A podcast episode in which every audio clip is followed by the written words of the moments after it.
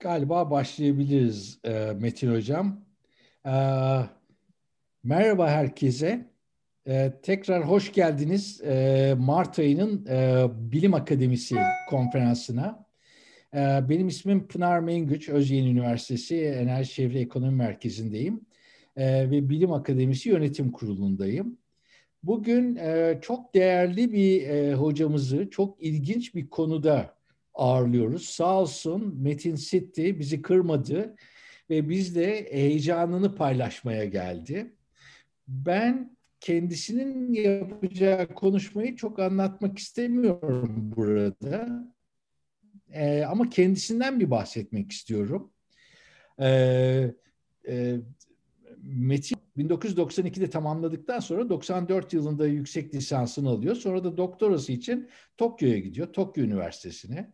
Elektrik mühendisliği bölümünde Japonca ile birlikte e, doktorasını tamamlıyor. Sonra Berkeley'e gidiyor Amerika'da, University of California'ya.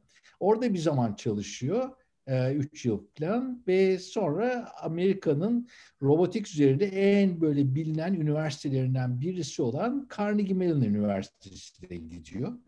Onun robotik enstitüsü ve makine mühendisliğinde profesör olarak çalışmaya devam ediyor. 2002 ile 2014 arasında. Biz o sırada yüz yüze bir iki defa konuşmuştuk ama bir tanesinde o çok ilginç bir dönem olmuştu. 2007'de e, e, bizi ziyaret etmişti e, benim olduğum üniversiteyi ve ondan sonra da çok güzel bir şekilde benim oğlumla da çalışmıştı. Yani kişisel bir yanımız da var. Fakat orada kalmadı e, Metin Hoca. Ondan sonra dünya kadar yere gitti. Şu anda kendisi Stuttgart'ta Max Planck Institute for Intelligent System e, da e, e, direktör olarak çalışmakta. Aynı zamanda da Koç Üniversitesi'nin e, tıp fakültesinde ve mühendislik fakültesinde görevi var. ETH Zürich'te görevi var. Institute for Biomedical Engineering'de aldığı e, başarılı e, ödül başarı ödülleri say say bitmiyor. 2019'da en son e, Avrupa Birliği'nin Advanced Grant, ERC Advanced Grant'ini aldı ki bu çok önemli bir şey. 2020'de yılın bilimde çığır açan buluşu ödülünü aldı. 2018'de Rahmi Koç madalyasını aldı İstanbul'da. Ondan önce yine National Science Foundation'dan, SPI'den aldığı ödüller var. NSF'den aldığı kariyer ödülü var. 15 makalesi en iyi makale ödülüne layık görülmüş.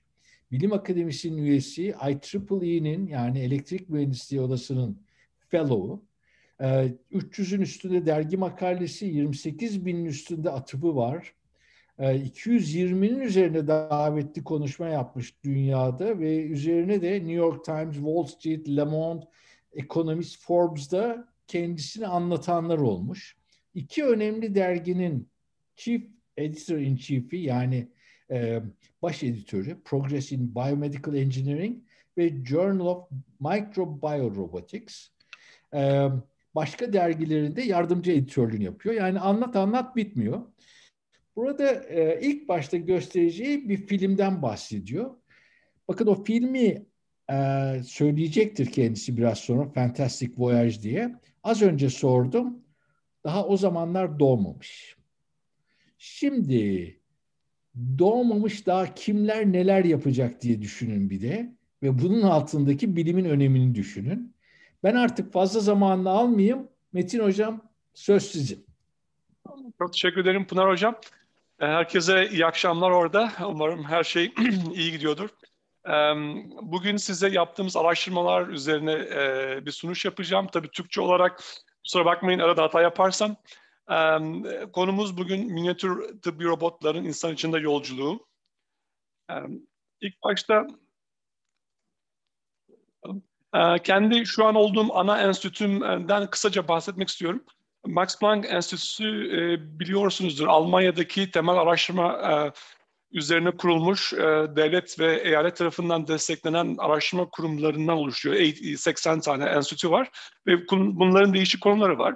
Akıl sistemler konusunda 2011 yılında yeni bir enstitü kurdular ve bu hem Stuttgart'ta hem Tübingen'de yer almakta. Ben e, Stuttgart kısmındayım. E, bu gördüğünüz binanın üçüncü katı e, tamamen benim grubuma ayrılmış durumda. Burada üç direktör olarak e, çalışıyoruz ve Tübingen kısmında da bilgisayar mühendisliği alanında e, iki tane direktör arkadaşımız e, oradaki e, enstitüde çalışmaktalar. E, şimdi e, bugünkü konumuz tıbbi robotlar ve bizim e, minyatür robotlarımız. İlk benim kendi konuma girmeden önce şu an hastanelerde ya da genel olarak kullanılan tıbbi robotlar nedir sorusuna bir cevap verelim. Eğer herhangi bir e, Türkiye'deki ileri bir hastaneye giderseniz e, mesela en yaygınlarından birisi bu Da Vinci dediğimiz e, Institute Surgical'ın yaptığı laparoskopik cerrahi dediğimiz insan içine e, yalnızca delik açarak e, belli bir deliklerden e, burada tabii e, gördüğünüz gibi 2-3 tane e, kol var robot kolu ve bunların hepsinin taşıdığı kamera ya da farklı cerrahi e, cihazlar var.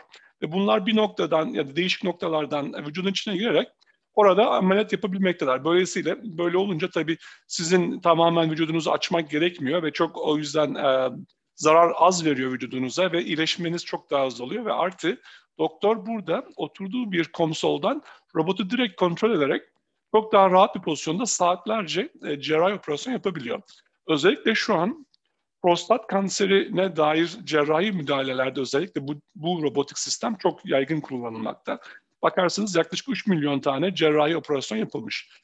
Kalp cerrahisi ve değişik cerrahilerde de yine e, kullanılmakta ve e, tabii çok hassas, çok e, çözünürlüğü iyi olan ve kullanılması rahat olan sistemler bunlar.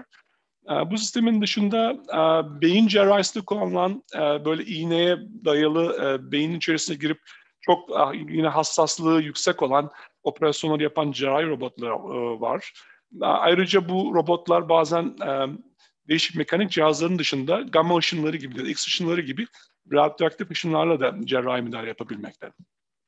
Ayrıca e, mesela ortopedi alanında mesela diyelim ki kalçanızda protez takılacaksa deli, kemiğinize delik açmak için şu an e, belli robotlar kullanılmakta. Bunlar daha hassas ve daha e, az acı vererek e, delikleri açarak sizin e, implantlarınızı yapmakta kullanılmakta. Bunlar şu an 50 bin tane operasyon sırf e, yani belli yıllarda yapılmış. E, ve de kateterler dediğimiz böyle içeriye giren e, çok küçük e, kablolu cihazlarda e, şu an gittikçe daha daha yaygın hale gelmekte. Gördüğünüz gibi hastanelere ve e, sağlık sistemine robotlar yavaş yavaş değişik açılardan e, çok çok girmekte ve bu firmalar şu an gerçekten büyü, e, giderek büyümekte ve Asya pazarı aslında çok büyümeye başladı. Dolayısıyla e, yakın zamanlarda daha düşük fiyatlarda daha çok sayıda robotları hastanede görebileceğiz. Ama biz araştırmacılar olarak tabii amacımız sırf var olan cihazları değil de geleceğin cihazlarını tabii tasarlayıp üretmek olduğu için e, bu konuda ne tür yönlerde araştırmalar yapılmakta ve gelişmeler e, yap, var konusuna şöyle size anlatayım yeni tıbbi cihazların e, gidişatı bir önceki e, slaytta gördüğünüz gibi genelde şu an olan ticari robotlar genelde her zaman bir kabloyla dışarıdan bağlı.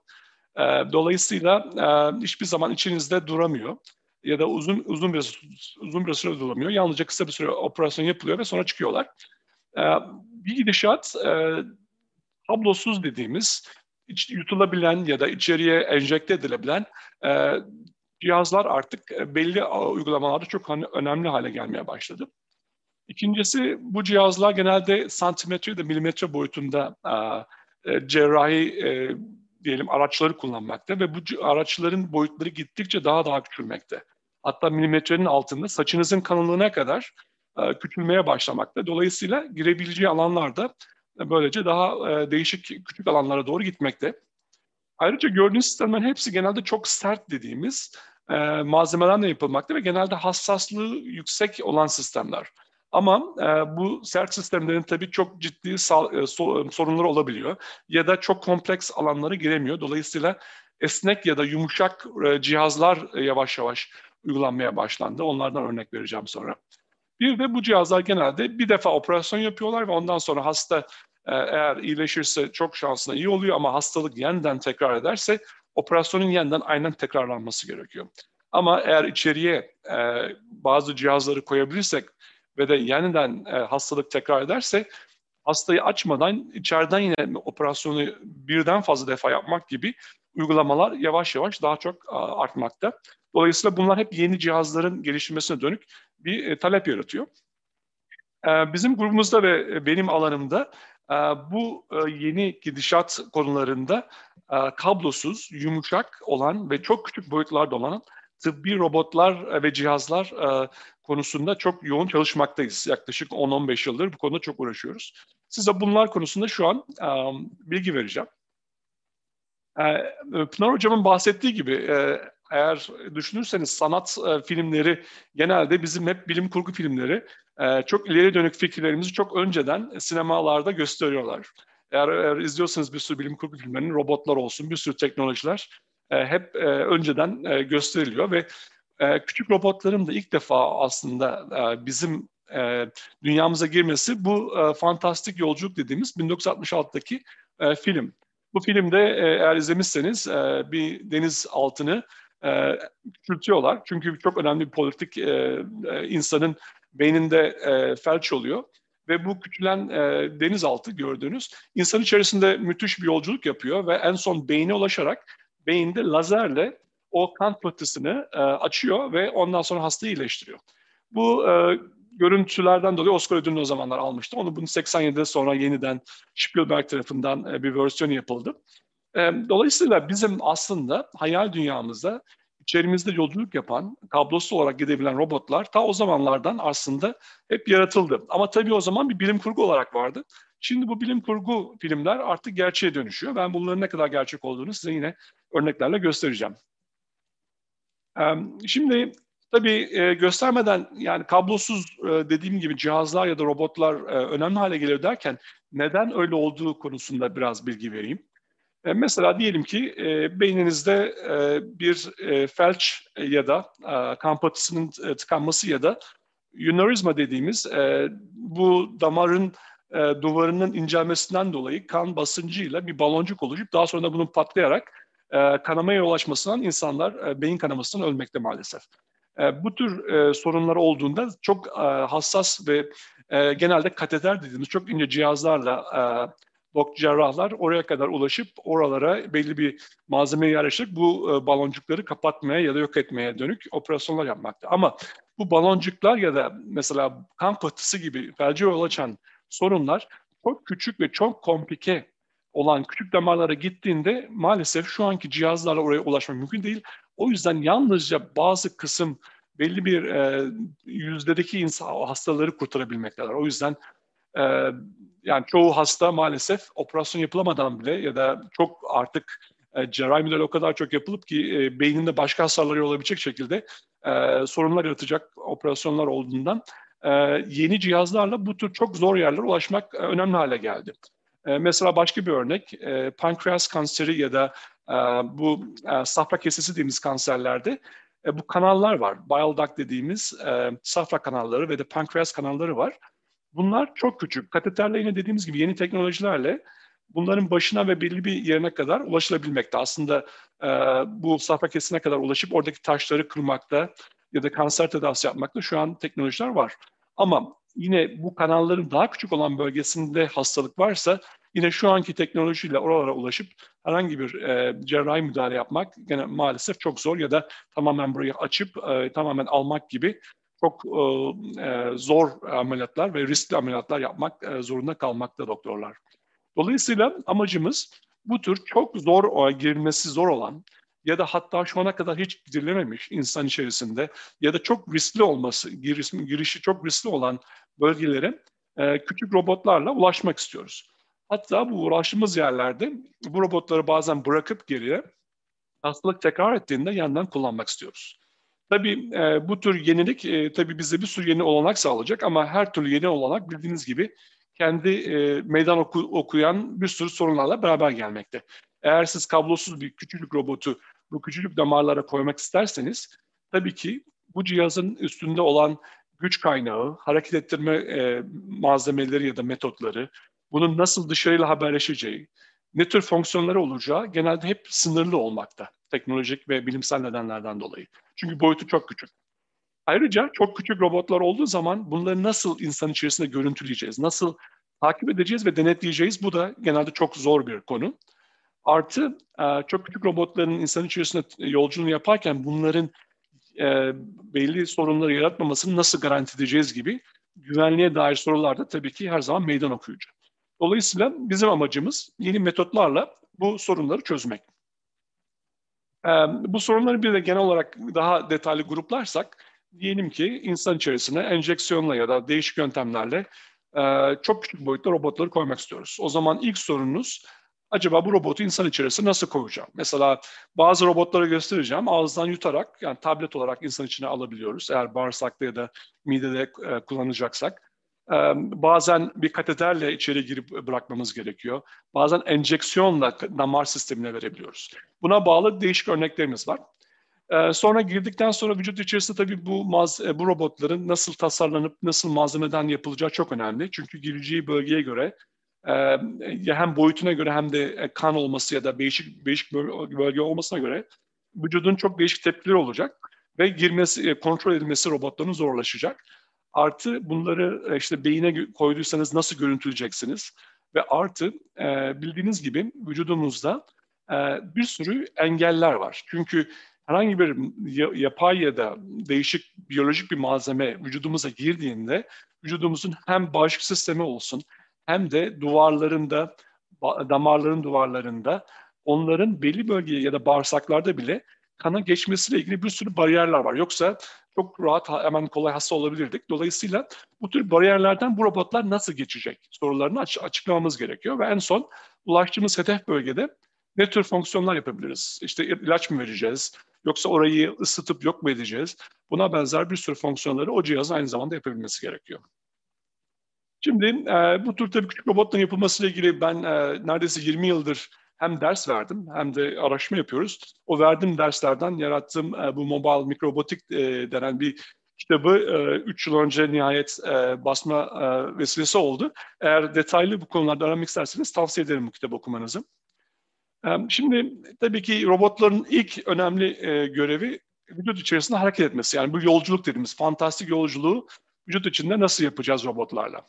Şimdi hayvanlara bakarsak doğada, mesela yumuşak vücutlu olan e, tırtıllar olsun, deniz anası olsun ya da e, spermler olsun bunların e, çok komplike e, sıvılarda ya da e, e, yüzeylerde e, hareket etmesini sağlayan bir sürü metotlar var. Mesela yüzeyde yuvarlanabilirsiniz, zıplayabilirsiniz e, ya da vücudunuzda bir dalga yaratarak bu e, vücut dalgası dediğimiz e, bu dalganın sayesinde mesela spermin yarattığı bu kuyruğundaki dalga onun ileri doğru gitmesini sağlıyor.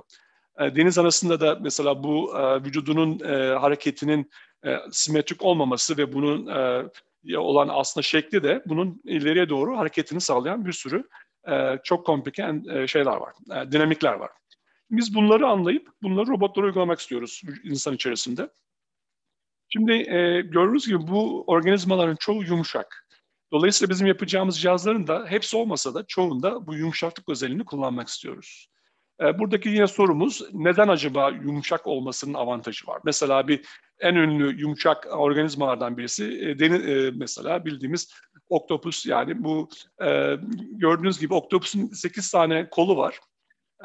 Ve bu kollar çok yumuşak ve bir sürü fonksiyonu var. Bunlar mesela şeklini değiştirebiliyor. Mesela burada bu kollarla yüzey yapışabiliyor.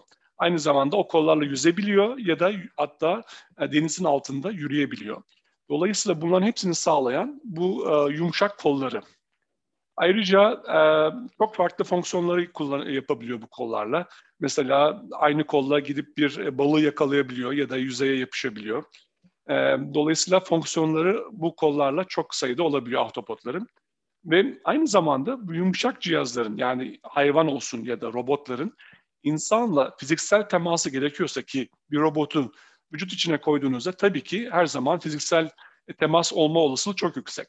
Eğer e, yumuşak olarak yaparsak bu malzemeleri mesela bu bildiğiniz ünlü Big Hero 6 dediğimiz e, animasyonda bu yumuşak robot mesela insanla e, yap, yapısından, malzemesinden dolayı e, temas haline geldiğinde ona hiçbir zarar veremiyor. Çünkü yumuşak olduğu için e, herhangi bir kuvvet, yüksek kuvvet uygulayarak insana zarar vermesi mümkün değil. Ama ilk başta gösterdiğim robotlar eğer bir doktora direkt değerse ya da hastaya onlarda çok büyük har, um, um, sorunlar ya da yaralanmaya neden olması hatta öldürme olayına kadar varabilecek tehlikeleri var. Dolayısıyla yumuşak robotlar güvenlik açısından çok önemli. Şimdi size değişik boyutlarda bu küçük kablosuz robotlardan örnekler vereceğim. Şu an yakın zamanda çalıştığımız. Bunların ilk grubu çok küçük, hat hücre boyutlarında olabilen mikrorobotlardan bahsedeceğim. Bunlar eskiden beri hep hayal ürünü olarak düşünüyordu ama artık son 10 yıldır teknoloji ve bilimsel ilerlemeden dolayı aslında artık hayal değiller. Şimdi mesela bir yaptığımız projede ya da yaklaşım olarak ee, gerçek bakterileri yani mikroorganizmaları alıyoruz. Burada bir E. coli dediğimiz biliyorsunuz mikrop dediğimiz bakteriler aslında zararlı olduğunu düşünüyoruz ama aslında mikroplar e, vücudumuza çok yararlı. Bağırsak sistemimizde olan neredeyse 2, kilo, 2 kilogram olan bakteriler bizim hem sindirimimize yarar, e, yararı var hem de bir sürü aslında bizi hem psikolojik hem de e, fizyolojik olarak bir sürü konuda bizle simbiyotik bir yaşam sürmekteler. Tabii mikroplu olup da hastalık yaratan bakteriler de var ama biz e, mikrop olan değil de ya da hastalık yaratan bakteri olmayanları seçip hastadan alıyoruz. Onları e, yine hastanın e, kanından aldığımız e, kırmızı kan hücrelerinin e, içlerini boşaltıyoruz değişik yöntemlerle. Ve sonra bu içine e, kırmızı hücrelerin, e, kan hücrelerinin işte nanopartiküller koyabiliyoruz, manyetik özellikleri olan. Ve aynı zamanda ilaçlar koyabiliyoruz ya da başka malzemeler de koyuyoruz. Ve bunun e, kan hücresini e, bakteriye yapıştırıyoruz. E, burada yapıştırmak için bir sürü kimyasal ve değişik tekniklerimiz var.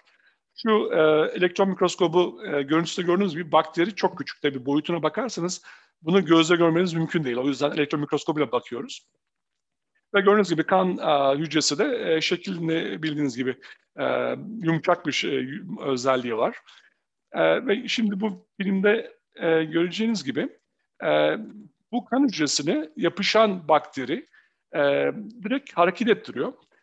Ama burada yapılan bizim yenilik, robotik olarak yenilik, içerisine koyduğumuz manyetik malzemeden dolayı biz bu e, bakteriyi ve kan hücresini uzaktan kontrol edebiliyoruz. Gördüğünüz gibi aslında bu e, bakterinin yüzme hareketi rastgele değil ve bizim istediğimiz yönde ve gördüğünüz gibi kontrol yöntemi de dışarıdan uyguladığımız manyetik alanın yönüyle yani bir mıknatıs düşünün yönünü değiştirerek aslında o e, bakterilerin ya da e, kan hücrelerinin nereye gitmek istediğini biz böylece kontrol edebiliyoruz. Bu çok önemli bir e, yenilik çünkü bunu yapabilirseniz e, istediğimiz bölgede bu e, e, hücreleri toplayabiliyoruz. Mesela yumuşak olmalarının özelliği de ya da yararı da gördüğünüz gibi çok küçük e, mikrokapilleriler var beyninizde ve değişik e, alanlarda.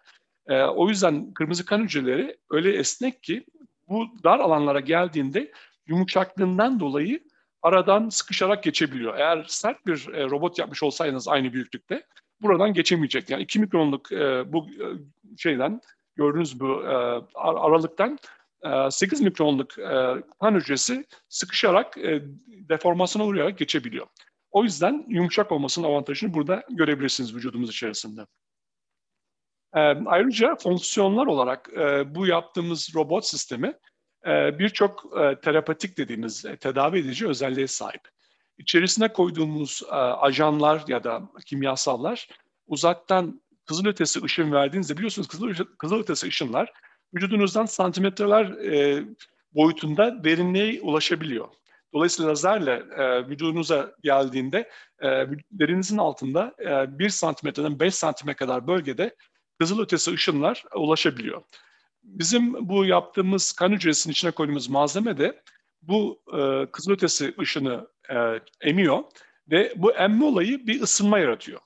E, ve bu ısınma olayından dolayı e, burada iki tür değişik e, özellikler kullanıyoruz. Bir, e, biliyorsunuz ki vücudumuzda mesela hasta olduğunuzda vücut sıcaklığı 41 derecenin e, üzerine çıktığınızda aslında hem enzimlerinizden dolayı ve hem de e, artık 45'e çıktığınızda da hatta hücreleriniz ölmeye başladığı için artık e, tabii ki ölüme neden olan sorunlar çıkabiliyor. E, şimdi bu özelliği kanser tedavisinde olumlu olarak kullanmamız mümkün. Eğer bu robotlar gittiği bölgede kontrollü bir şekilde uzaktan verilen ışınlarla sıcaklığını artırırsa o bölgedeki kanser hücrelerini, tabii ki burada kanser hücrelerini oraya hedefliyoruz bu robotları, e, bu sıcaklığın artması bir kere öldürüyor. İkinci olarak da e, sıcaklık artması sırasında e, içeride koyduğumuz kemoterapi dediğimiz kimyasal ilaçlar da var.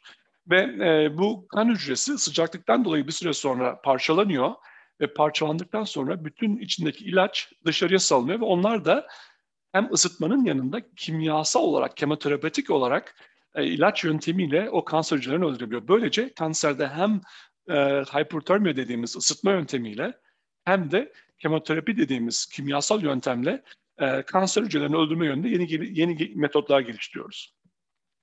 Bu bir örnek platform ve bu gerçekten e, gördüğünüz gibi e, vücudun içerisinde her yere ulaşabilecek e, çok boyutlarda. E, diğer, diğer yeni bir çalışmamız, bu hala e, çok yeni, e, yakın zamanda basıldı. E, kan hücrelerinin dışarısında hastalardan e, bizim bağışıklık hücrelerimizi alıyoruz. Mesela makrofaj dediğimiz hücreler, e, biliyorsunuz e, kanımızda e, bulunmakta. Bunları izole edebiliyorsunuz ve gördüğünüz aslında hücrelerin hepsi makrofajlar. Ve bu özel makrofajın içerisine biz manyetik olarak yarattığımız sentetik malzemeyi yediriyoruz. Yani makrofajların bir özelliği yabancı malzeme gördüklerinde onları gidip etrafını sararak içlerine alıyorlar ve sonra sindiriyorlar. Mesela burada görürseniz aslında bu siyah gözüken sentetik malzeme makrofajın içerisine alındığı için onun artık içerisinde duruyor. Ama güzel olan makrofaj ölmüyor e, ve onun için alıyor ve bir süre sonra sindiriyor ve böylece vücudumuza gelen her türlü yabancı malzeme bizim e, bağışıklık sistemimiz bu bakteri de olsun, sentetik malzeme olsun içine alarak yok ediyor. Bu çok önemli. Tabii böylece hasta olmuyoruz ya da yabancı olabilecek zararlı malzemeleri e, vücudumuz yok ediyor. Şimdi burada biz bunu avantaj olarak kullanıyoruz. Makrofaj aslında bizim malzememizi alıyor ama bizim malzememiz onu öldürecek bir malzeme değil. Ve de manyetik olduğu için de biz dışarıdan yine daha önce gösterdiğim metotlarla mesela burada yüzeyde yuvarlayarak makrofajları kanserin olduğu bölgeye hedefliyoruz. Ve bu malzememiz aynı zamanda makrofajları özel bir alarma getiriyor ve o alarm diğer e, bağışıklık sistemi hücrelerini çağırarak bütün e, hedef, hedef olarak e, bağışıklık sistemin hücrelerini kanserin olduğu ve biliyorsunuz kanser hücreleri çok akıllı ve gizleniyorlar e, bağışıklık sistemimizden. Bu tür makrofajları hedefleyerek e, onların gizlenmesini e, ortadan kaldırıp e, tümörün tedavisini bu sefer immünoterapetik dediğimiz yeni bir yaklaşım çok popüler biliyorsunuzdur yakın zamanlarda. E, bizim burada robotik yaklaşımla e, bağışıklık sistem hücrelerini birleştirerek gördüğünüz gibi kanser tedavisinde yine bir immünoterapetik yaklaşımı da e, geliştirmek konusunda çalışmalarımız var. Şimdi e, göz, gösterdiğim malzeme hep biyolojik e, hastadan alınmış kırmızı kan ya da e, bağışıklık sistemi hücreleriydi. E, bir de tamamen sentetik dediğimiz malzemelerden yaptığımız robotlar var. Mesela burada e, non-immunogenik dediğimiz yani özel bir polimer malzemeden eğer bir robotunuz üretirseniz, içine de manyetik özel bir malzeme koyarsanız bunları şu anki teknolojiyle üç boyutta biz e, yazıcı sistemlerle e, yine lazer yöntemleriyle e, üç boyutta üretebiliyoruz. Yani şu gördüğünüz robotun boyutuna bakarsanız hücre boyutunda ve üç boyut olarak biz bunu çok komplike şekillerde üretebiliyoruz ve malzemeler de çok farklı olabiliyor. Buradaki önemli nokta eğer sentetik bir malzeme vücuda koyarsanız biraz önce de gösterdiğim gibi bizim bağışıklık hücrelerimiz onları gidip içine alıyorlar. İçine alırlarsa biz biraz önce onu avantaj olarak kullanmıştık ama genelde avantaj olmuyor. Mesela şurada örnek olarak gösterelim. Gördüğünüz yeşil hücreler bizim bağışıklık hücrelerimiz, yine makrofajlar. Ee, şu karikatürde gördüğünüz gibi bizim makrofajlarımız e, içeriye giren kandaki herhangi bir yabancı bu sentetik malzemeyi hissediyor ve etrafına gidip bunu tetkik ediyor.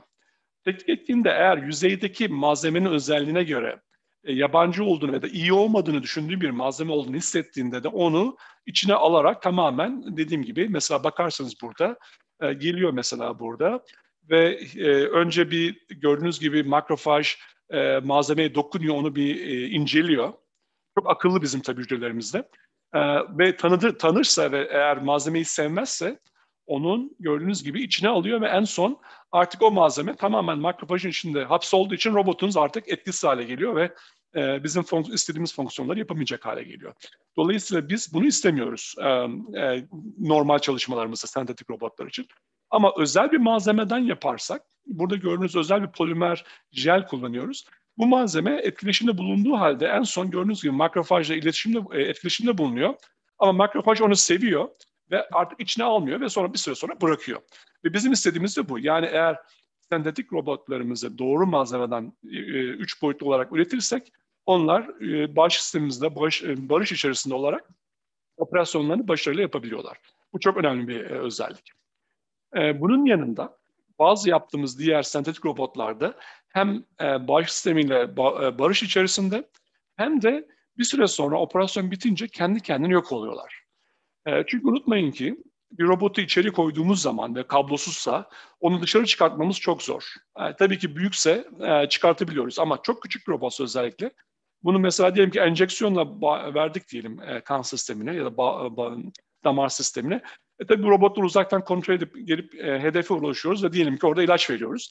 E, her şey bitiyor çok güzel ama eğer bu operasyon bittikten sonraki robotumuzun malzemesi e, etrafa e, zararlı malzemeler bırakırsa o, o malzemeler daha sonra gidip vücudumuzda belli organlarda yan etki dediğimiz etki yaratarak e, komplikasyonlar yaratabiliyor. Dolayısıyla biz burada yine jelatin dediğimiz bir jel malzemesini üç boyutlu e, yazıcıyla üretiyoruz robot olarak ve içine yine manyetik e, demir oksit nanopartikülleri koyarak onları manyetik hale getiriyoruz. Ve bunlar, bu malzemenin özelliği operasyon bittiği zaman vücudumuzda olan belli enzimler var. Mesela matrix metallopeptide, e, MMP dediğimiz malzeme, enzim. E, bir süre sonra bu robotun e, jelatini yiyor ve e, bu çözünmeden dolayı da tamamen o malzeme yok oluyor vücudumuzda ya da öyle ufak parçalara bölünüyor ki artık hiçbir zarar verecek hale gelmiyor. Dolayısıyla yaptığımız bu sentetik robotların vücut içerisinde çözünebilir olması da çok büyük bir avantaj ve önemli bir özellik. Böylece yan etkimiz olmuyor. Bir de artı e, robot çözüldüğü zaman içindeki bütün ilaç tamamen hedefe verildiği için çok etkili bir şekilde tedavi yapabiliyoruz. Ee, diğer bir örnek e, yine sentetik robotlar açısından hiç biyolojik malzeme kullanmadığımız bir durumda e, yine e, cam parçacıkları yapıyoruz. Mikro parçacıklar bunlar. Ve bu parçacıkların yarı tarafında camın üzerine belli moleküller koyarak bunların yüzeyini kaplıyoruz ilaçlarla ve artı antibody dediğimiz antikor değişik mesela kanser hücrelerini tanıyan algılayıcılar koyuyoruz diyelim. Diğer yarısı da manyetik bir filmle kaplı. E, dolayısıyla hem parçacık manyetik ama hem de diğer yarısı da e, fonksiyonel özelliklere sahip te- terapatik olarak. Gördüğünüz gibi elektron mikroskobunda bunlar 5 mikron boyutunda olabiliyor. Hatta 3 mikron boyutunda olabiliyor. E, buradaki hedefimiz şu. E, kan içerisinde koyduğumuz zaman robotlar geneldeki en büyük sorun küçük robot olduğu zaman ve kablosuzsa kanın akış hızı o kadar fazla ki hatta ana, ana damarlarda biliyorsunuzdur. 1 metre bölü saniye yani bir saniyede 1 metre hızla giden bir kanımızın pompalaması var. Dolayısıyla e, kan çok hızlı bir şekilde da, damarlarda hareket ettiği için herhangi bir küçük robotu koyduğunuzda hemen e, kan onu götürüyor. Şimdi siz özellikle belli bir tümör bölgesine ulaşmak isterseniz ve eğer bunu kaçırırsanız giderken kanla beraber e, buraya geri dönmeniz gerekiyor. Şimdi e, bunu yapmak için de robotun e, kanın akışına karşı çalışması gerekiyor ya da hareket etmesi gerekiyor. Bizim de yeni geliştirdiğimiz bir metot, bu yine yeni yakın zamanda basıldı Science Robotics dergisinde. Bu robotları yuvarlak ya da diyelim çok küçük boyutlarda yüzeyde hareket eden robotlar olarak üretiyoruz. Şimdi bunlar nasıl çalışıyor? Dediğim gibi yarısı cam ve yarısı manyetik malzeme. Bunları dışarıdan uyguladığımız dönen manyetik alanlarla yüzeyde e, döndürebiliyoruz. Yani yuvarlanıyorlar yüzey üzerinde. Gördüğünüz gibi birçok sayıda olan robotlar da aynı zamanda yüzeyde yuvarlanabiliyor. Şimdi yüzleri yuvarlandıkları zaman tabii ki buradaki antikorların amacı mesela kanser hücresi burada e, meme kanserinde olan e, model e, kanser hücresini burada görüyorsunuz. Robotlar da bu partiküller uzaktan hareket ettirildiklerinde eğer normal hücreler üzerinde, sağlıklı hücreler arası üzerinde gidiyorlarsa hiçbir şekilde yapışmıyorlar. Çünkü bir tanıma olayı olmuyor. O antikorlar tanımadığı içerisinden direkt üzerinden akıp gidiyorlar yani yuvarlanıyorlar. Ama kanser hücresini hissettikleri zaman o yarı tarafında olan e, antikorlar sayesinde e, gördüğünüz gibi bir süre sonra kanser hücrelerinin yüzeyine yap- yapışıyorlar. Dolayısıyla bizim buradaki amacımız damarlarda e, bu robotları hareket ettirip yuvarlayarak kanser hücrelerini gördüklerinde oraya yapışmaları. Ve yapıştıktan sonra da uzaktan yine etkiyle bunların ilaçlarını salıyoruz. Artı ısıtıyoruz ve dolayısıyla bu tümör hücrelerini, kanser hücrelerini öldürüyoruz. Yani buradaki yenilik gördüğünüz gibi kan damar hücrelerinin içerisinde kana karşı akabilen ya da gidebilen e, robotlar geliştirmemiz. Ve de bunların terapatik e, tedavi edici etkilerini göstermiş olmamız. E, şimdi burada dediğim gibi en büyük sorun kan akarken gerçekten gördüğünüz gibi hız çok fazla ve bu gerçek kan. Burada gördüğünüz gibi robot mesela yanlış bir damar ayrımında baktık doğru yerde değiliz hemen onu geri götürüp doğru olan kanala böylece yönlendirebiliyoruz. Eğer bu tür bir sistem geliştirmeseydik burada olacak tek şey vardı. Bu robotlar buraya geldiğinde hemen o kan akışıyla devam edeceklerdi ve hiçbir zaman onu yeniden götüremeyecektiniz ya da bekleyecektiniz ki saatlerce o istediğiniz damar bölgesine gelsinler. Dolayısıyla bu tür metotlar çok önemli. Şimdi başka bir son örnek, bu çok küçük boyutlu olan e, mikrorobotlarla ilgili. E, beyinde olan uygulamalarımız. E, biliyorsunuz ki beynimizde e, nörolojik değişik hastalıklar var. Aslında yeni çağın en büyük hastalıklarından birisinin nörolojik hastalıklar olacağı üzerine e, çok e, tartışmalarımız var. Çünkü biliyorsunuz ki insan yaşamı bayağı uzadı. Son 10, 20, 30 yıldır olan hem ekonomik hem bir sürü tıbbi gelişmelerden dolayı insan hayat ömrü gittikçe uzuyor. Şimdi hayat ömrü uzayan insanlarda 80-90 şimdi dünyada binlerce yüz yaş üzerinde insanlar var. Tabii bunların en büyük hastalıklarından birisi de bildiğiniz gibi Parkinson's ya da Alzheimer gibi e, bunaklık gibi değişik nörolojik hastalıklar. Çünkü nöronlar biliyorsunuz ki zaman içerisinde ölüyorlar e, ya da fonksiyonlarını geçirebiliyorlar ve bir daha tamir edilemiyorlar kolay kolay. Dolayısıyla e, bunlardan bunların tedavisine dönük çalışmalar çok önemli. Bizim de Master Üniversitesi'nde bir Türk profesörle, e, beyin cerrahıyla yaptığımız ortak bir çalışmada e, derin beyin stimülasyonu denen Parkinson hastalığında e, bu subtalamus denen bölgedeki nöronlarda bir sorun oluşuyor, bir sinyallerde sorun oluşuyor. Dolayısıyla e, yaşlı hastalarda e, bir süre sonra e, vücut hareket kontrolünü yitirmeye başlıyor ve titremeye başlıyorlar. Biliyorsunuz ki ünlü Muhammed Ali gibi değişik e, boksörler olsun ya da değişik bir sürü tabii ki dediğimiz gibi yaşlı insanlar bu tür hastalıklardan ma- maalesef muzdarip durumdalar.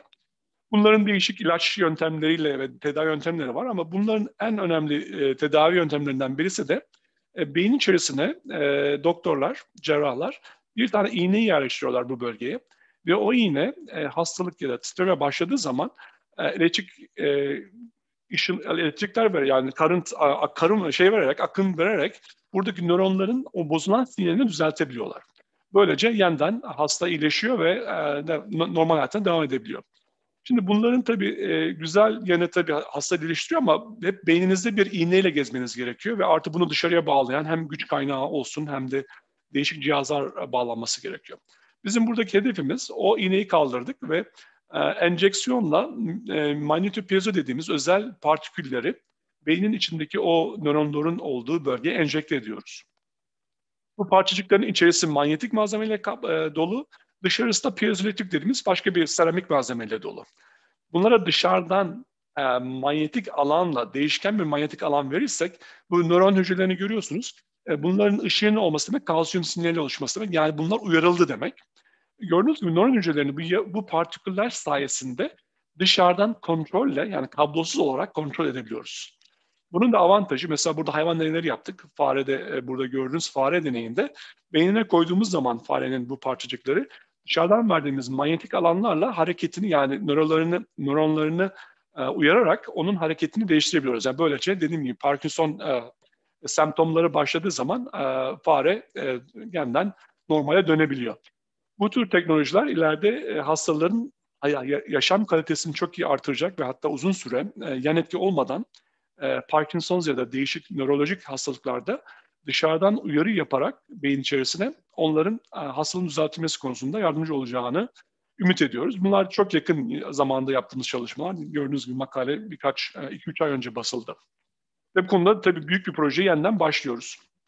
Yani amacımız beyin içerisinde dediğim gibi nörolojik sistemleri mikrorobotlarla istediğimiz zaman kontrol etmek hem burada stimülasyon yapıyoruz, ileride de yapmak istediğimiz aynı zamanda sinyalleri de okumak ve dışarıya haber vermek. Böylece hatta beyinle iletişim kurmayı da sağlamak istiyoruz daha sonra. Okey, şimdi son kısmında e, sunuşumun e, hücre boyutunda değil de daha milimetre boyutunda, neredeyse dediğim gibi saçının kalınlığından daha büyük robotlarda bir sürü tıbbi açıktan e, uygulamalarda kullanılabiliyor. Şimdi e, bizim buradaki e, vizyonumuz değişik e, hareketleri sağlayan, vücut hücresinde gösterdiğim hayvanlar gibi yüzebilen, yüzeyde hareket edebilen robotlar üreterek e, milimetrik boyutlarda bağırsaklar olsun, urin sistem gibi değişik sistemlerde, idrar sisteminde robotlar yapmak istiyoruz. Şimdi e, ilk örnek olarak e, belki de en eski yaptığımız, e, 15 yıldır uğraştığımız e, yutulabilir kablo e, kablosuz e, kapsül robotlardan bahsetmek istiyorum.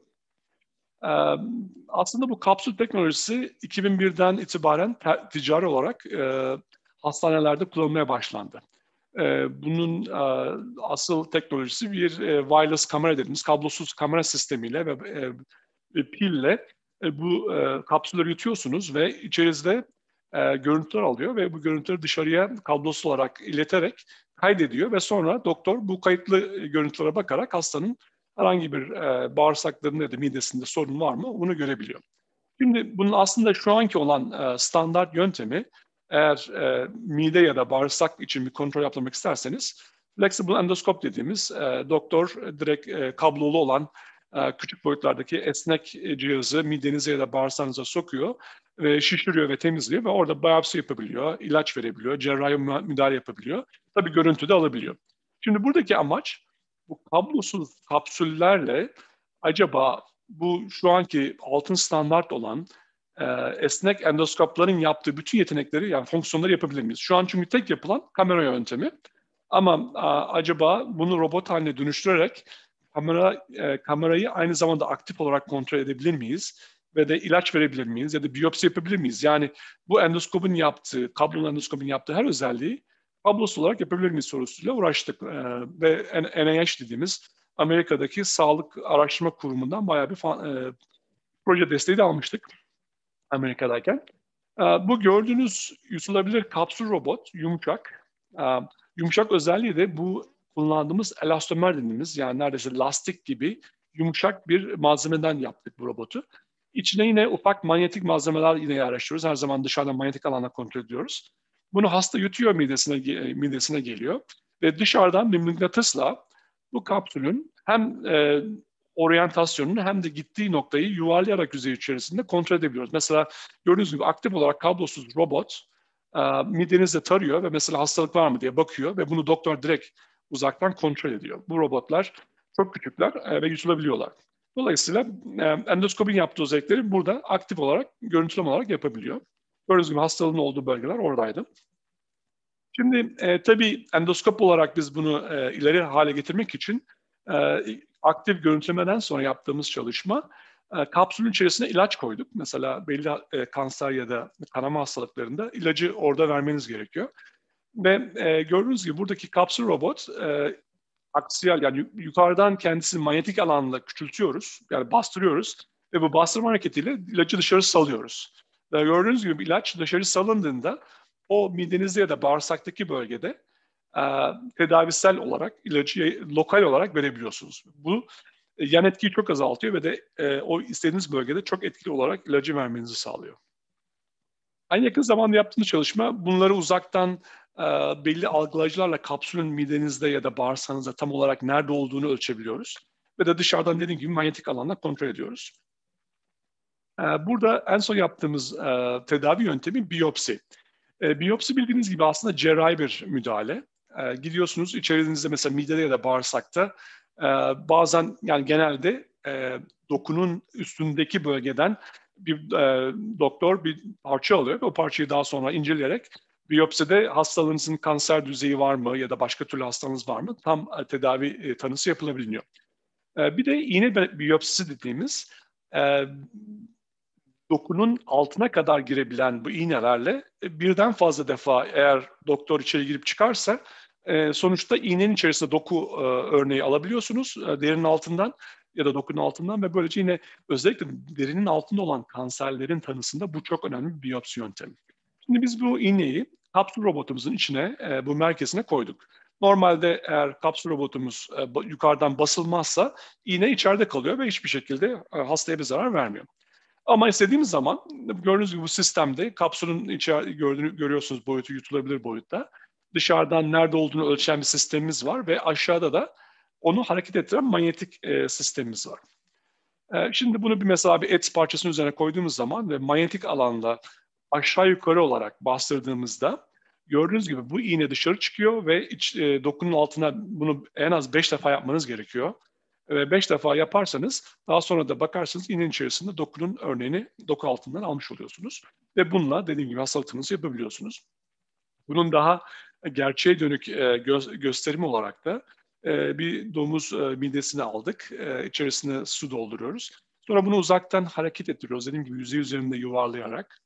Daha sonra hedef burada yaptığımız tümör bölgeleri var. Biliyorsunuz midemizde tümör oluştuğunda oralarda e, bir tepe oluşuyor ve oraya kapsülü götürüyoruz robotumuzu ve dışarıdan doktorun kontrolüyle yine onu bastırarak 5-6 defa o bölgeden do doku örneği alıyoruz ve bunu birkaç defa yapabiliyoruz.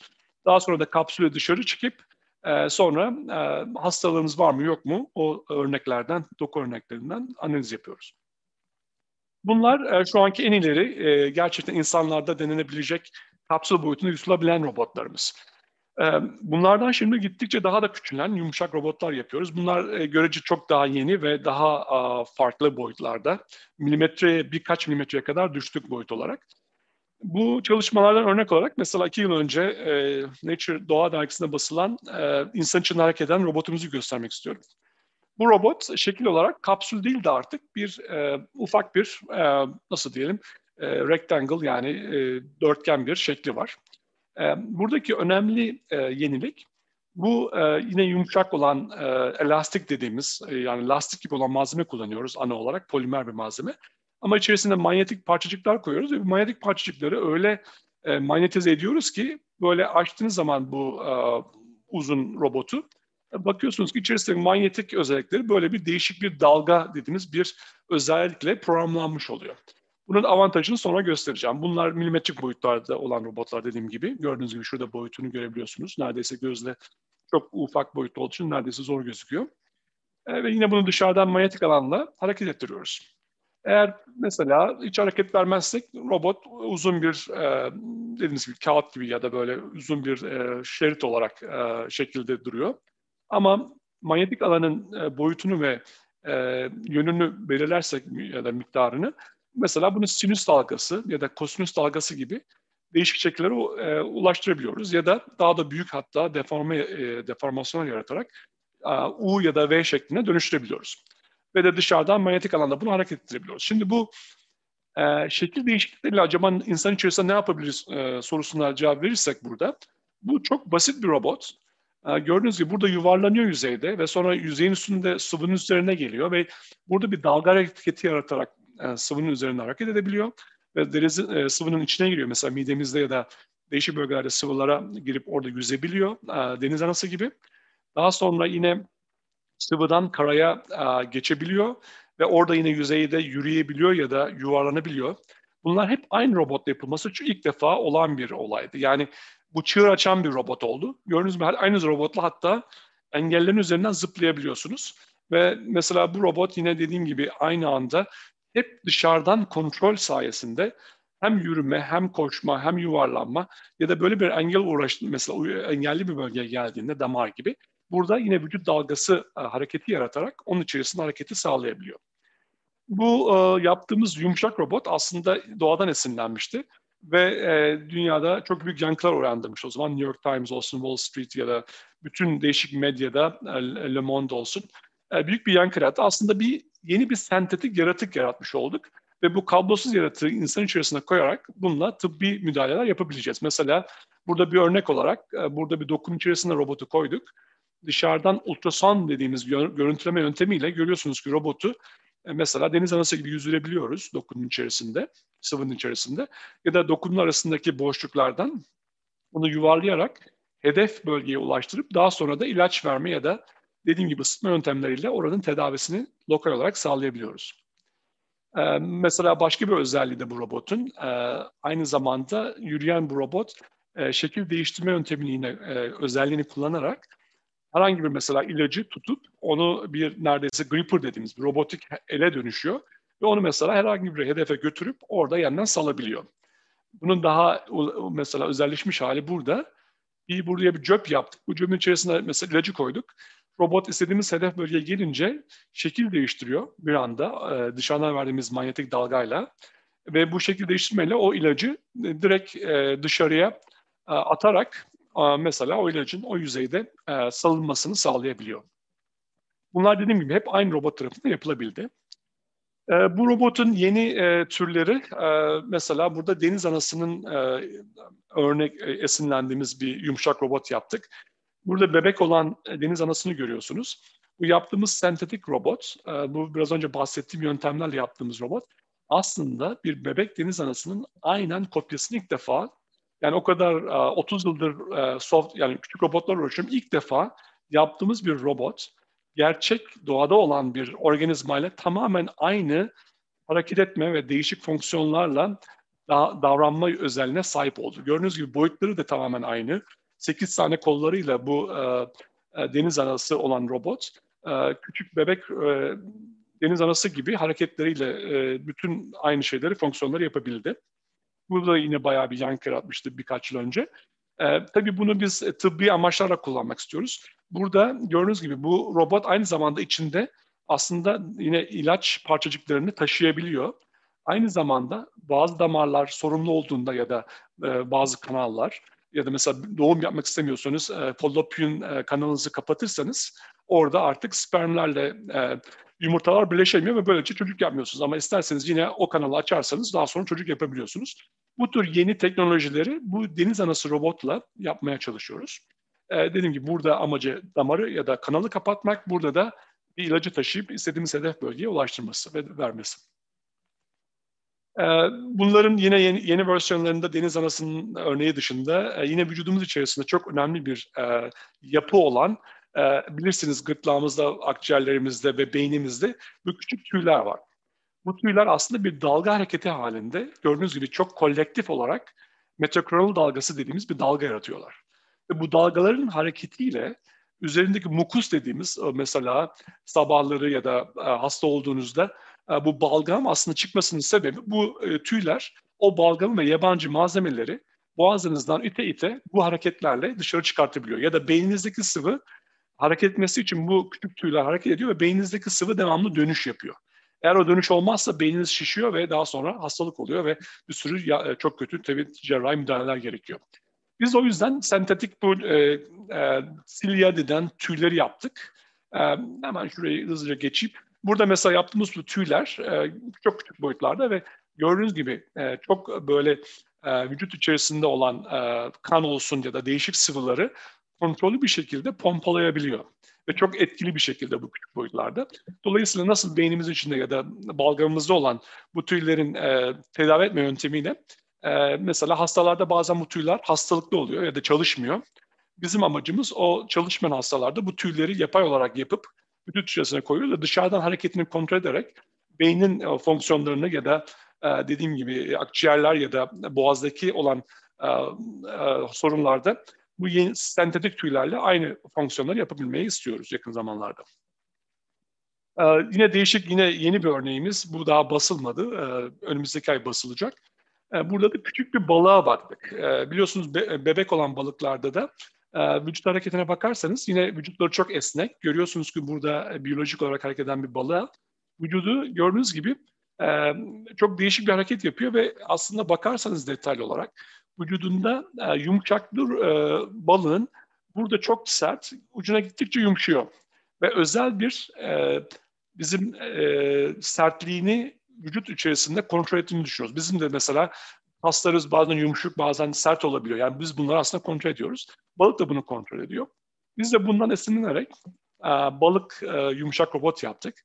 Burada gördüğünüz gibi kuyruğu balık gibi aynı şekilde hareketi e, hep buradaki e, sertliğin e, vücut içerisindeki yayılmasını kontrol ederek dışarıdan e, aynı hareketi sağlayabildik ilk defa.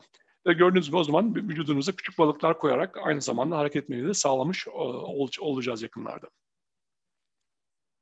E, bunlar hep örnekti ve en son örneğimiz yine basılmamış, yayınlanmamış bir örneğimiz. Burada da çok küçük yumuşak kapsüller yapıyoruz. Bunlar artık neredeyse gözü görülmeyecek kadar yarım milimetre boyutunda ve içerisine e, kanser ilaçları koyuyoruz. Burada gördüğünüz kırmızı olan e, bu e, bölge aslında bir ilaç. Bunlar yüzeyde yine yuvarlanıyorlar dışarıdan hareketli. Burada mide üzerinde yaptık ama bu başka organlarda da çalışabiliyor. E, ve bunları çok sayıda yapabiliyoruz. E, mesela burada 5 tane şimdi kapsül göreceksiniz. Bu 5 tane, beş tane yumuşak kapsül e, yüzeyde yuvarlanıyorlar. Ve hedefe ulaştığımız zaman bunları dışarıdan manyetik alanda bastırıyoruz ve e, ilacı dışarı yayıyoruz ve daha sonra da geri çıkartıyoruz. Böylece ileride dediğim gibi e, çok küçük e, bölgelere mesela bahsettiğim pankreas ya da safra kesesi kanallarında ulaşarak hem ilaç verebileceğiz hem de oradaki sıvıları alıp e, sıvı biyopsisi diyoruz ona. Oradaki sıvının daha sonra içerine bakarak hastalığınız var. Mesela pankreas kanserinin tanısında olsun ya da e, safra kesesi kanserinde aldığımız sıvıyla e, tanı yapmak konusunda da çalışmalarımız şu an var. Yapmaktayız. İşte böylece çok e, değişik projelerimizi hem e, hücre boyutunda hem milimetre boyutta göstermiş oldum. E, en son olarak da e, bunları tabii yapabilen e, araştırıcıları e, ve ekibi oluşturmak ve tabii aynı zamanda da ortak çalışmalar yapmak çok önemli. E, grubumda e, şu ana kadar çok sayıda postdoktora dediğimiz doktora sonrası araştırmacılar ve doktor öğrencilerim e, oldu. Buradaki önemli mesaj bu tür yeni robotları ve tıbbi cihazları yapmak için hem mühendislere hem malzeme bilimcilere hem biyologlara hem bilim adamlarına, fizikçilere, kimyacılara hem bilgisayar mühendislerine hem de tıp doktorlarına ihtiyacınız var. Dolayısıyla e, disiplinler arası bir ekiple e, bu çok yeni ve e, çok meydan okuyucu sorunları çözmeniz gerekiyor. E, ve bu e, grubundan mezun olan öğrencilerin ya da postdoktora araştırmacılarının e, çoğu e, profesör oldu. Şu an profesörlerin profesör olma yönünde gidiyorum. Bazıları hatta e, tenured associate profesör oldular. E, bazıları da endüstride araştırmacı olarak e, hem tıbbi cihazlar olsun hem e, değişik Apple, Intel gibi firmalarda araştırmacı olarak çalışmaktalar. Şu anki ekibimde e, yaklaşık 15 tane doktora sonrası araştırmacım var, e, 21 tane doktor öğrencisi e, ve bir sürü teknik ve e, idari desteğimiz var. Tabii burada dediğim gibi bizim kendi grubumuzun disiplinler arası olmasa dışında çok sayıda ziyaretçi ve aynı zamanda uluslararası e, her konuda ortak çalıştığımız ve Türkiye'de de olsun çok değişik gruplarla e, bu projelerin e, sorunlarını çözmek için ortak e, çalışıyoruz ve umarım size de bir gün e, çalışma fırsatımız olur. Böylece e, teşekkür ediyorum e, ilginiz için. Umarım e, biraz tıbbi robotların artık bir hayal değil de küçük robotların gerçeğe doğru gittiğine dair size e, örnekler gösterip belki 5-10 yıl içerisinde bazı bu küçük robotları e, hastanede belki gerçekten insanlar üzerinde kullanabilecek düzeye gelmek konusunda da hedeflerimiz e, büyük ve umarım o hale yakında geleceğiz. E, ilginiz için çok teşekkür, teşekkür ederim. Çok teşekkürler Metin Hocam. Harika bir fantastik voyajdı. E, fantastik Voyage'ın, fantastik e, seyahatin 55. yılında bunları böylesine görüyor olmak, hele sizlerin yapıyor olmuş olmanız çok çok değerliydi. Şimdi bir dizi soru var. Bunların bazıları teknik, bazıları daha teknik, bazıları biraz daha sosyal. Ben tekniklerden evet. başlayayım, aşağı doğru gideyim. Tamam. Ee, umarım hepsini anlatabiliriz. Bir tanesi e, manyetik alanları bunu kullandığınız zaman burada başka bir güç kullanmıyor musunuz manyetik alandan başka? gösterdiğim e, robotların çoğunda sırf manyetik alan vardı. Şimdi e, aynı zamanda göstermedim ama örnek olarak ultrason dediğimiz akustik dalgalar da uzaktan kullanılabiliyor. Bir de e, gösterdiğim birkaç örnek vardı. O da lazerle yani kızılötesi lazerle de vücut içerisine girebiliyorsunuz. Dolayısıyla manyetik alan, akustik dalga ya da lazer üç e, e, dışarıdan vücut içerisinde kuvvet yaratabilen metotlar olarak şu an çok popüler ya da ana metot olarak kullanıyoruz. Çünkü bunlar hep dışarıdan kontrol ettiğimiz için. Peki e, bunları yaparken nefes alma gibi hareketler sizi yani mikrometre boyunda olan hareketler sizin resolution'unuzu etkiliyor mu? Tabii ki. E, o güzel bir nokta. Tabii ki bunları yaparken amacımız çok acısız yapmak ve hastanın normal e, anestezi bile hatta neredeyse olmadan ya da çok az olarak olduğunu varsayarsanız tabii ki vücut dediğiniz gibi hem nefes alma olsun hem damarlardaki akış e, e, şeyler kan, kan akışı bağırsaktaki peristalsiz dediğimiz dalgalar bunlar hep devamlı bir hareket yarattığı için vücut içerisinde bunlar e, tabii ki e, robotun hareketine hem ters etkide bulunabiliyor hem de dediğiniz gibi hassasla etkileyebiliyor. Buradaki çözümümüz de örnek çok detaylı göstermedim ama dışarıdan tıbbi görüntüleme, görüntüleme ile mesela ultrason ya da X ışınlarıyla ya da MRI ile e, görüntü olarak robotun nerede olduğunu direkt hemen her zaman ölçüyoruz ve mesela diyelim ki hareketten dolayı robotun yeri değiştiğinde onu hemen düzeltiyoruz. Dolayısıyla feedback control dediğimiz geri besleme denetimi olmazsa tabii ki bu hareketler e, sorun yaratacak. Dolayısıyla yaptığımız bütün çalışmaların hepsinde robot olanlarda, tıbbi amaçlar olanlarda hep dışarıdan bir görüntülemeyle bu tür e, disturb, disturbance dediğimiz etkileri e, minimize edip şey yapıyoruz. Geri beslemeyle düzeltiyoruz. Ne, yani Çok nereye gittiğini ultrasoundla falan devamlı olarak ölçüyoruz. görüyoruz. Tabii. Peki bunların resolution ne kadar oluyor? Bir başka soruda. Tabii o da güzel bir soru. E, ultrason mesela milimetrik robotlarımızı görmekte e, kullanılabiliyor. Bir de X-ray dediğimiz fluoroskop dediğimiz X-ray ışınlarıyla milimetrik robotlar çok rahat gözüküyor. Ama milimetrenin altına indiğimiz zaman artık e, bir de PET dediğimiz o da görüntüleme de var. O da milimetreyi görüyor. Ama çok küçük olan robotları görmek için e, MRI, MR en iyi biliyorsunuz çözünürlüğü olan görüntüleme yöntemi. MR'ı kullanıyoruz. Cihazımız var öyle. E, ve de ona benzer e, metotlarla ama daha zor metot oluyor. Ya da şöyle yapıyoruz. Diğer bir çözümümüz de eğer robot çok küçükse ve MR her zaman kullanamıyoruz tabii ki. Yaptığımız şey aynı robottan yüzlerce ya da binlerce yapıyoruz. E, ve onları bir sürü halinde kontrol ediyoruz dışarıdan. Böylece sürü olan robot daha büyüdüğü için o mikro boyut, hücre boyutunda olsa da sürü halinde binlerce olduğu için onları görmemiz daha kolay oluyor. O zaman ultrasonda bile görebiliyoruz. Dolayısıyla evet. burada ya swarm sürü yapıyorsunuz mikrobotlarda ya da dediğim gibi çok yüksek çözünürlükte MR gibi imaj görüntüleme yöntemiyle e, görmemiz mümkün olabiliyor. Bir soru da bunun devamı e, diye geliyor herhalde. Yani manyetik nano parçacıkların minimum kaç parçacıktan oluşması lazım ki siz bunu görebilirsiniz. Yani bunun için o swarm'ın içinde bir rakam var mı düşündüğünüz? Um, ona önemli, o da güzel bir nokta. Şöyle, şimdi manyetik malzemeniz robot içerisinde ne kadar çoksa hacim olarak, e, burada iki e, avantajınız var. Bir dediğiniz gibi uzaktan görüntülemek daha kolay. Mesela MR'da eğer manyetik parçacık ne kadar çoksa biliyorsunuz zaten kontrast agent yani kontrast agent dediğimiz e, MR görüntüsü alınca zaman bir enjeksiyon yapılıyor vücudunuza ve onların içerisinde manyetik nanopartiküller var ve onlar size görüntülerin rezolusyonunu ve şeyini e, zıtlığını artırıyor. Şimdi bizde de robotların içerisine ne kadar çok nanoparticle koyarsak o kadar daha kolay görüyoruz. Dolayısıyla onu maksimize ediyoruz ama çok miktarda olursa artık onları üretemiyoruz. Dolayısıyla orada bir optimal bir e, denge var. E, bir de ikinci sorun e, manyetik parçacık az olursa onları dışarıdan manyetik alanla hareket ettirmek daha zorlaşıyor.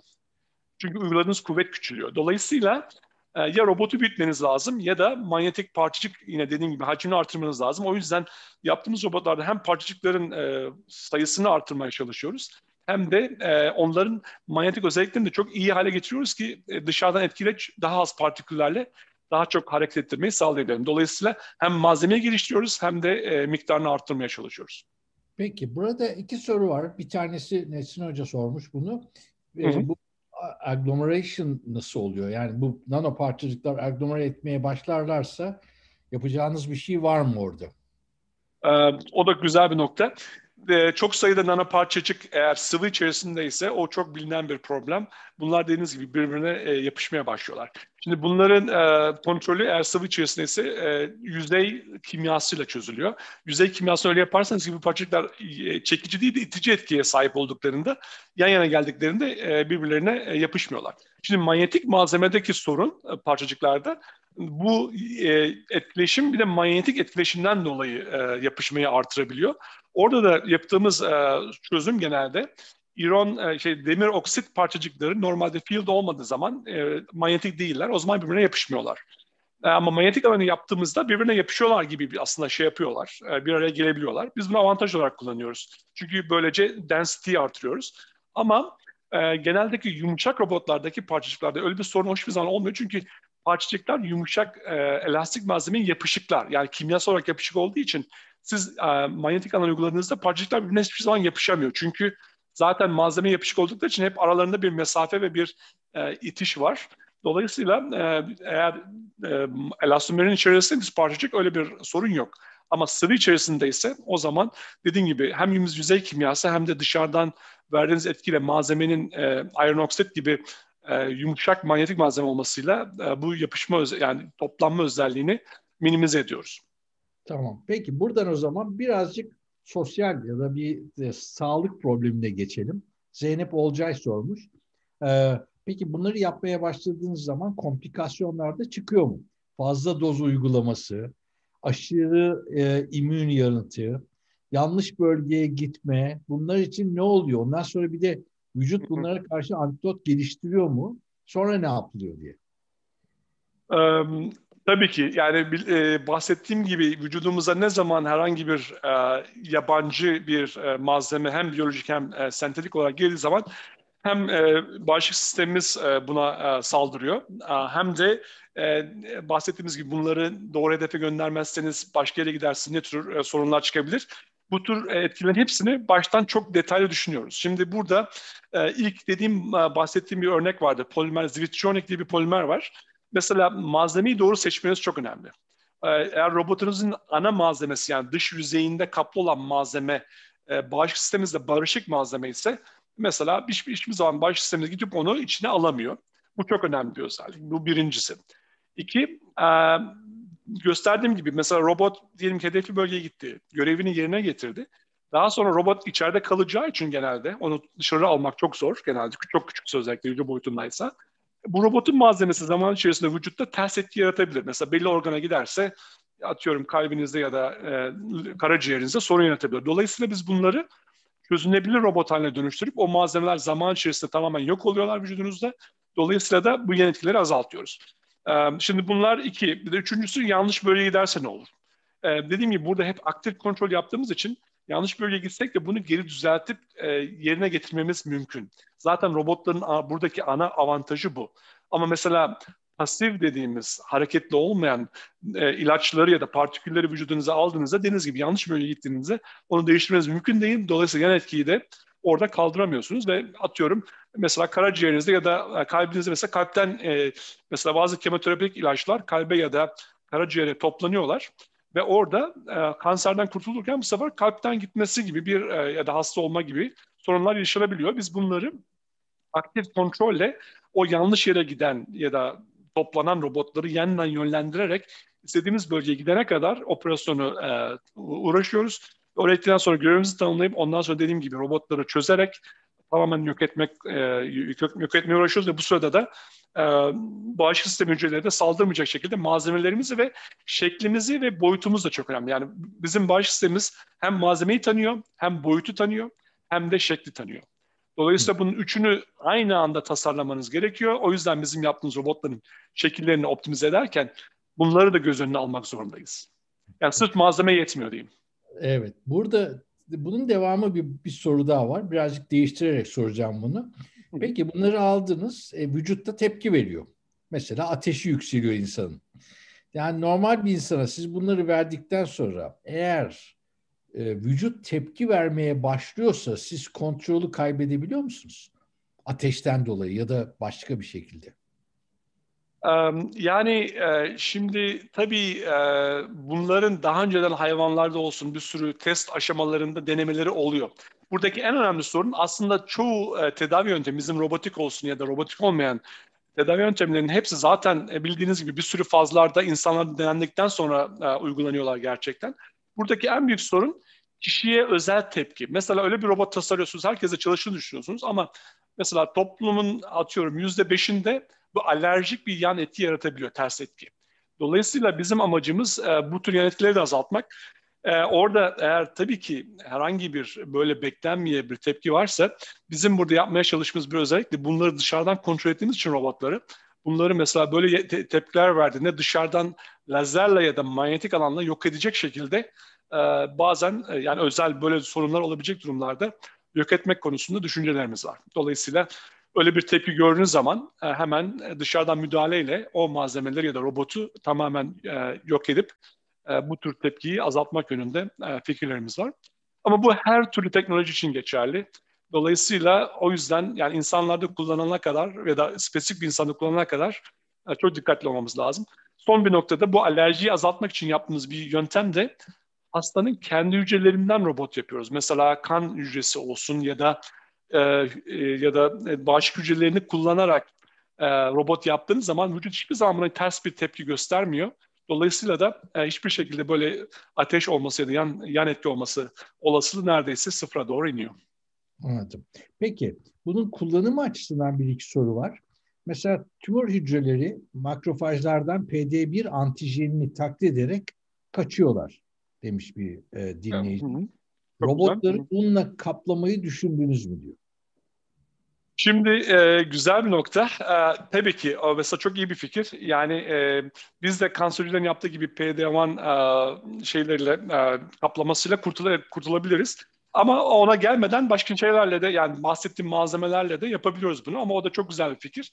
Orada bizim yapmaya çalıştığımız aslında bir yöntem de bizim robotlarımızı PD-1 değil de onun tersine yani onu ortaya çıkartan bir başka bir molekül var. E, cytokine var. Biz onu kullanarak robotun etrafını onunla kaplayarak saklanmak yerine saklanan kanser hücrelerini ortaya çıkarmaya çalışıyoruz. Çünkü kanser hücreleri dediği gibi o PD-1 um, kimyasal ya da yöntem şeyle cytokine ile diğer hücrelere diyor ki ben normalim onları kandırıyor diyelim. Um, siz başka bir onun uh, ters bir molek uh, cytokine'ına yükler şey yaparsanız sisteme verirseniz bu sefer saklanamıyorlar. Yani bizim aslında orada saklanmaktan çok derdimiz kanser hücresini ortaya çıkarmak aslında. Ki immün sistemimiz yani bağış sistemimiz onlara saldırsın. Yani PD-1'la saklanan kanser hücrelerini ortaya çıkartırsanız e, o zaman bağış sistemi zaten onları öldürüyor e, otomatik olarak. Onlar çok güzel fikirler. Yani aslında şey fikri burada çok iyi.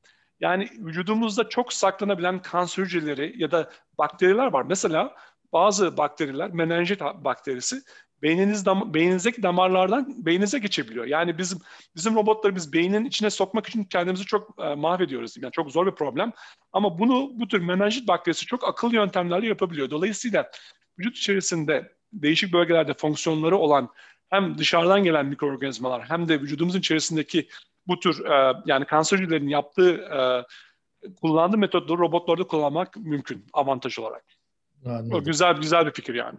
yani. Yeter ki yeter ki daha sonra o robotları yok edelim. Çünkü hep saklanırlarsa vücudumuz yok edemezse onlar da kanser gibi sonra sorun çıkartma olasılığı olduğu için bizim hedefimiz operasyon sırasında saklamak robotları vücudumuzdan. Ama operasyon bittiğinde onları ortaya çıkartıp sonra yok, yok edip e, tamamen yan etki yaratmadan e, güvenli bir e, operasyon yapmamız e, çok önemli. Peki çok robot varken olabilecek bir problemi sormuş Eray e, Calhan'da. Yani bir sürü robot varken bunlar birbirleriyle çarpışıyorlar mı? Birbirlerini problem yaratıyorlar mı? Swarm eden kuşlar gibi. Hı hı.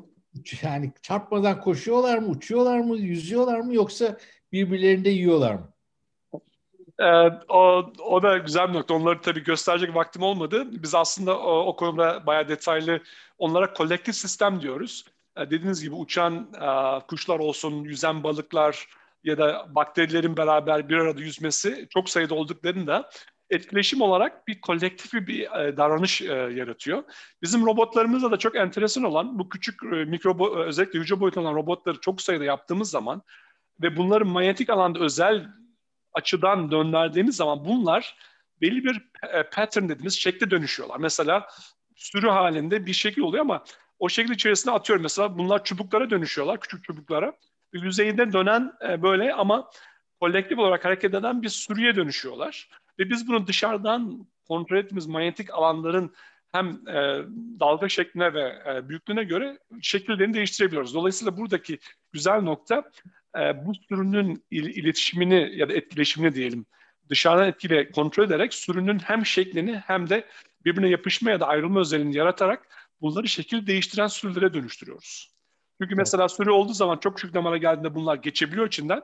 Ama diyelim ki çok büyük bir robota dönüştürüp bunu bir tedavi yöntemi yapmak istiyorsun. Onlar büyük robota dönüşüp atıyorum orada bir büyük bir kuvvetle oradaki hastalığın çözümünde daha çok etkili olabiliyorlar. Dolayısıyla sürü robotları çok enteresan. Evet. Peki bunun devamında bir başka soru da bir lise öğretmeninden geliyor. Çok beğenmiş. Ee, bunları anlatacakmış öğrencilerine. İrem Kara Döne.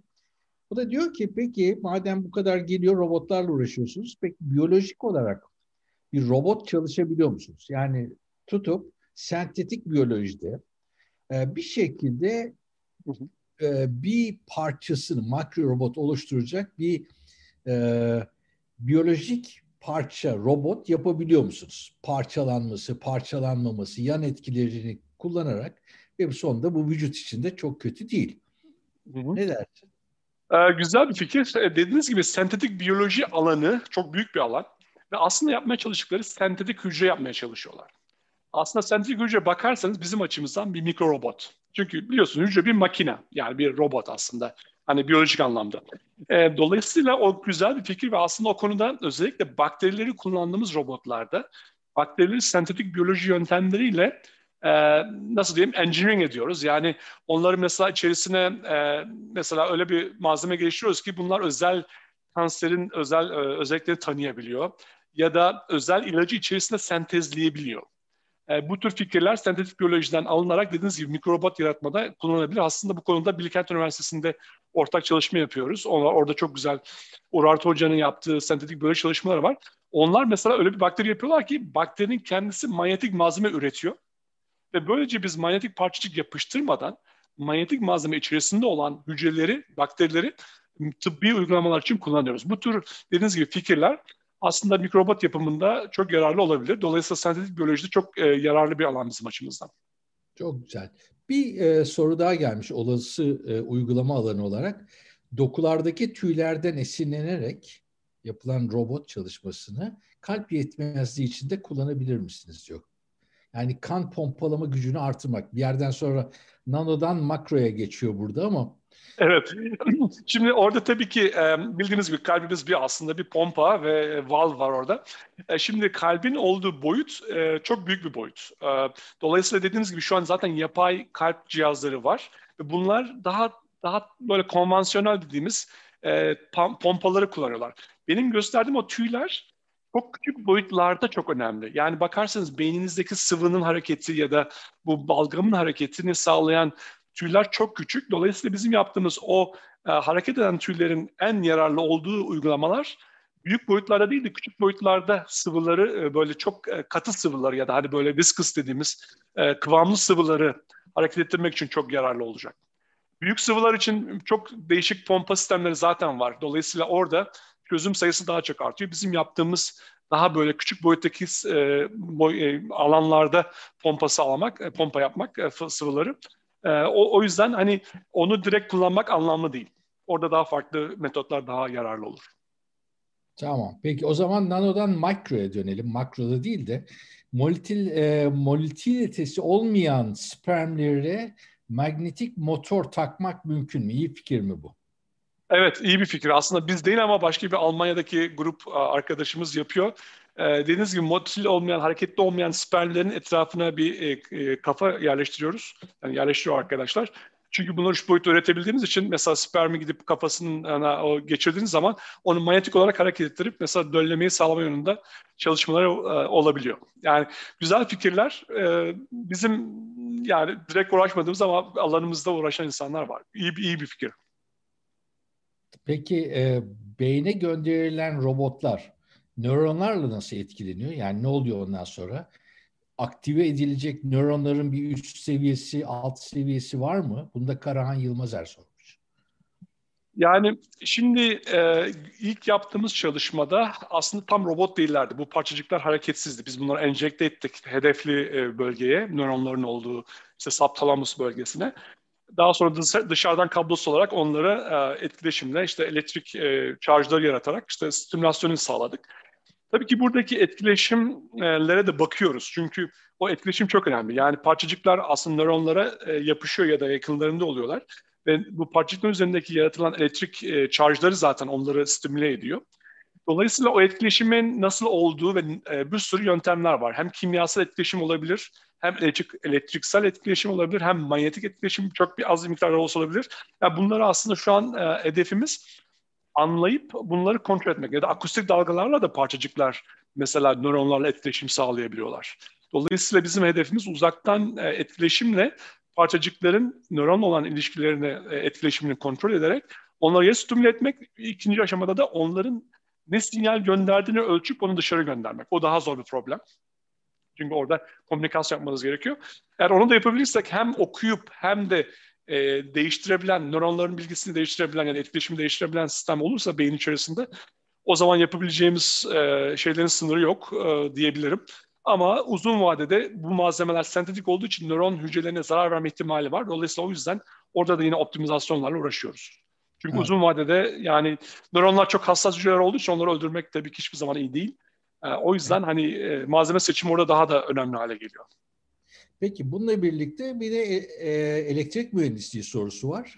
yani tam burada şimdi onları öldürmemek lazım, nöronları etkilememek lazım. O zaman kullandığınız manyetik alanın gücü ne kadar olmalı? Bir yerde bir Ziya Erkmen 12 militesla kullandığınızı görmüş.